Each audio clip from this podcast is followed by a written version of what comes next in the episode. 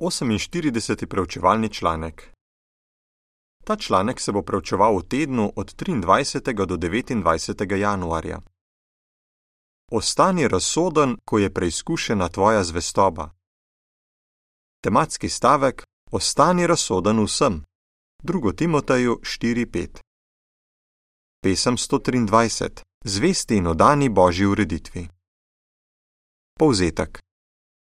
Naša zvestoba Jehovu in njegovi organizaciji je lahko preizkušena. To velja še posebej takrat, ko se v občini zgodi kaj, kar nas vznemiri. V tem članku bomo obravnavali tri takšne preizkušnje in kaj lahko naredimo, da bi ostali zvesti Jehovu in njegovi organizaciji. Odstavek 1. Vprašanje: Kaj pomeni biti razsoden? 2. Timoteju 4:5 Ko se v občini zgodi kaj, kar nas vznemiri, je lahko preizkušena naša zvestoba Jehovu in njegovi organizaciji. Kako lahko takšne preizkušnje premagamo? Dobro je, da ostanemo razsodni, budni in neomajni v veri. V drugem Timoteju 4:5 piše: To, da ti ostani razsoden vsem, prenašaj težave, oznanjuj dobro novico in temeljito opravljaj svojo službo za Boga. Razsodnost pokažemo tako, da ostanemo mirni, trezno razmišljamo in se trudimo na stvari gledati tako kot Jehova. Tako nas pri razmišljanju ne bodo vodila čustva. Odstavek 2. Vprašanje: O čem bomo razpravljali v tem članku? V prejšnjem članku smo pregledali tri preizkušnje, ki jih lahko doživimo zunaj občine. V tem članku pa bomo pregledali tri preizkušnje znotraj občine, ki lahko preizkusijo našo zvestobo Jehovu. To se lahko zgodi prvič, ko mislimo, da je sokristjan z nami grdo ravnal, drugič, ko se nas disciplinira in tretjič, ko se nam je težko prilagoditi organizacijskim spremembam. Kako lahko v takšnih primerih ostanemo razsodni ter zvesti Jehovu in njegovi organizaciji? Ko imaš občutek, da je sokristjan s teboj grdo ravnal, Odstavek 3. Vprašanje. Kako se morda odzovemo, če mislimo, da je sokristjan z nami grdo ravnal? Ali si že kdaj imel občutek, da je sokristjan s teboj grdo ravnal, morda celo brat, ki ima v občini odgovorne naloge? Po vsej verjetnosti te ni namenoma prizadel. Vseeno te je njegovo ravnanje morda vznemirilo. Mogoče si o tem toliko razmišljal, da nisi mogel spati. Morda si se celo spraševal, Če lahko brat tako ravna, ali je potem to res božja organizacija? To je točno takšno razmišljanje, kot ga Satan želi od tebe. Če bi začel tako negativno razmišljati, bi se lahko oddaljil od Jehova in njegove organizacije. Kako lahko ostaneš razsoden in preprečiš takšno razmišljanje, če misliš, da je sovernik s teboj grdo ravnal? Odstavek 4. Vprašanje kako je Jožef ostal razsoden, ko se je z njim grdo ravnalo in kaj se iz tega naučimo. Prva Mojzesova 50, 19 do 21. Ne postani zagrenjen. Ko je bil Jožef še najstnik, so njegovi starejši bratje grdo ravnali z njim. Sovražili so ga in nekateri so ga celo hoteli ubiti. Na koncu so ga prodali za sužnja. Zato je kakšnih 13 let doživljal hude preizkušnje lahko bi se spraševal, ali ga ima Jehova res rad in ali ga je zapustil zdaj, ko najbolj potrebuje pomoč. Ampak Jožef ni postal zagrenjen. Ostal je razsoden, tako da je bil še naprej miren. Ko je imel priložnost, da bi se maščeval svojim bratom, tega ni naredil. Pokazal jim je ljubezen in jim odpustil. Tako je lahko ravnal zato, ker je trezno razmišljal ni se osredotočal na svoje težave, ampak je videl večjo sliko, Jehovov namen. V prvi Mojzesovi 50, 19 do 21 piše: Jožef jim je rekel: Ne bojte se, saj nisem jaz Bog, da bi vas sodil. Res, da ste mi hoteli škoditi, to da kot je danes očitno, je Bog to obrnil v dobro in pri življenju ohranil mnogo ljudi. Zato se ne bojte, Vas in vaše otroke bom še naprej oskrboval s hrano. Tako jih je Jožef pomiril in potolažil. Kaj se iz tega naučiš? Če so vernik s teboj grdo ravna, se ne jezi na Jehova, oziroma ne razmišljaj, da te je zapustil. Raje premišljuj o tem, kako ti pomaga ustrajati kljub tej preizkušnji. Poleg tega skušaj nepopolnost sovernika, ki te je prizadel, pokriti z ljubeznijo. Odstavek 5. Vprašanje: Kako je Mikejas ostal razsoden, ko je mislil, da bratje z njim grdo ravnajo? Razmisli o izkušnji, ki jo je imel Mikejas, starešina iz Južne Amerike. Spomine se časa, ko je imel občutek, da so nekateri odgovorni bratje z njim grdo ravnali. Rekl je: Še nikoli prej nisem bil pod takšnim stresom, zelo sem bil zaskrbljen. Po noči nisem mogel spati in sem jokal, ker sem se počutil nemočnega. Kljub temu je ostal razsoden in se močno trudil nadzorovati svoja čustva. Pogosto je prosil Jehova za svetega duha in moč, da zdrži. Poleg tega je v naših publikacijah poiskal informacije, ki bi mu pomagale. Kaj se iz tega naučiš? Če misliš, da je sovernik s teboj grdo ravnal, ostani miren in skušaj nadzorovati kakršne koli negativne občutke, ki jih morda imaš. Verjetno ne poznaš okoliščin, ki so sovernika navedle, da je govoril ali ravnal tako, kot je. Zato moli k Jehovu in ga prosi, naj ti pomaga videti stvari zornega kota sovernika. To ti bo pomagalo, da mu ne boš pripisoval slabih namenov in boš žalitev spregledal. Ne pozabi, da Jehova vidi, kaj doživljaš in da ti bo dal moč, da boš zdržal. Ko te disciplinirajo. Odstavek 6. Vprašanje. Zakaj je pomembno, da na discipliniranje gledamo kot na izraz Jehovove ljubezni? Hebrejcem 12, 5, 6 in 11. Discipliniranje je lahko čustveno zelo boleče. Toda, če razmišljamo samo o bolečini, lahko začnemo podcenjevati discipliniranje in misliti, da ni bilo upravičeno ali da je bilo prestrogo, vendar bi s tem spregledali nekaj dragocenega: da je discipliniranje pravzaprav izraz Jehovove ljubezni. V Hebrejcem 12, 5 in 6 piše: Povsem ste pozabili na prigovarjanje, namenjeno vam kot sinovom, moj sin. Jehovovega pouka ne podcenjuj in ko te graja, naj te to ne potre.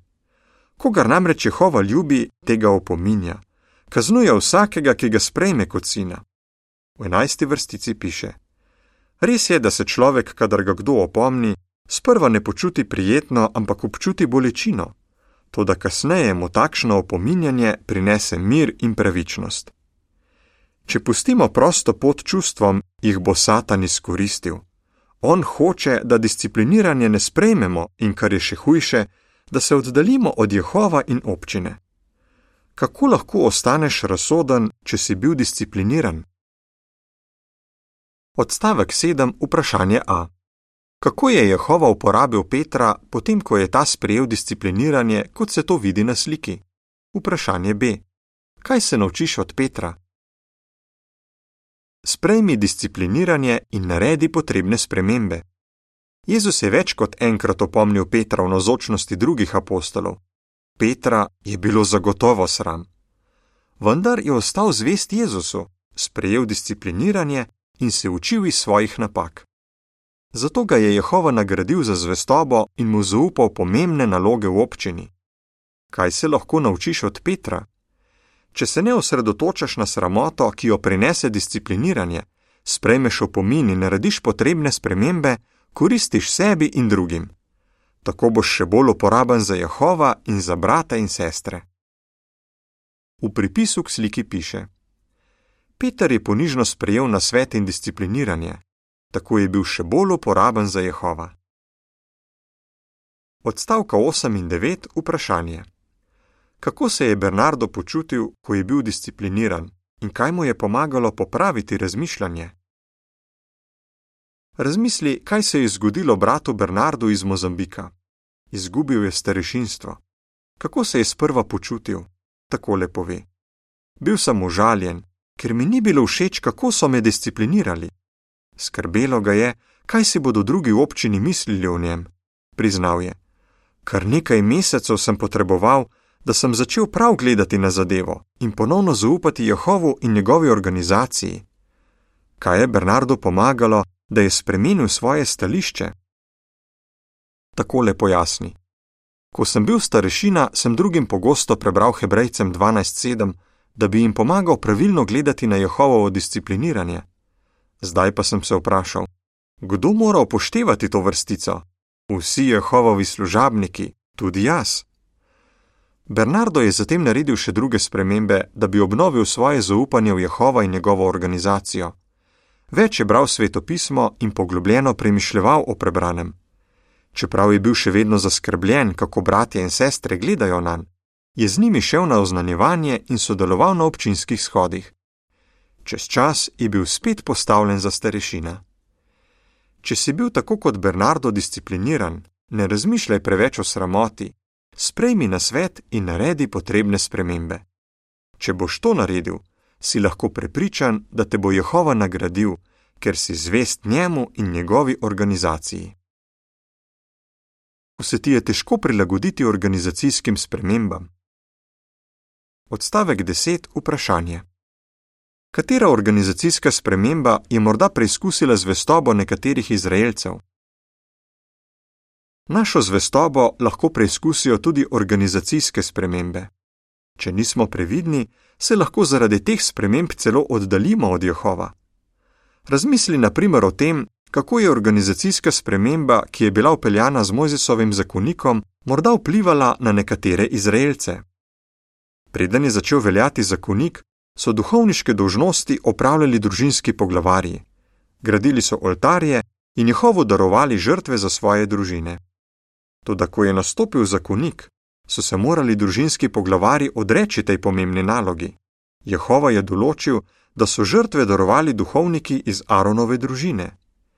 Če je po tej organizacijski spremembi družinski poglavar, ki ni bil Aronov potomec, začel opravljati duhovniške dožnosti, je lahko bil usmrčen. Ali je bila ta sprememba morda eden od razlogov, zakaj so se Korah, Datan, Abiram in 250 poglavarjev ljudstva uprli Mojzesu in Aronu? Tega ne moremo reči z gotovostjo. Kakorkoli že, Korah in drugi uporniki niso ostali zvesti Jehovu. Kaj lahko narediš, če organizacijske spremembe preizkusijo tvojo zvestobo?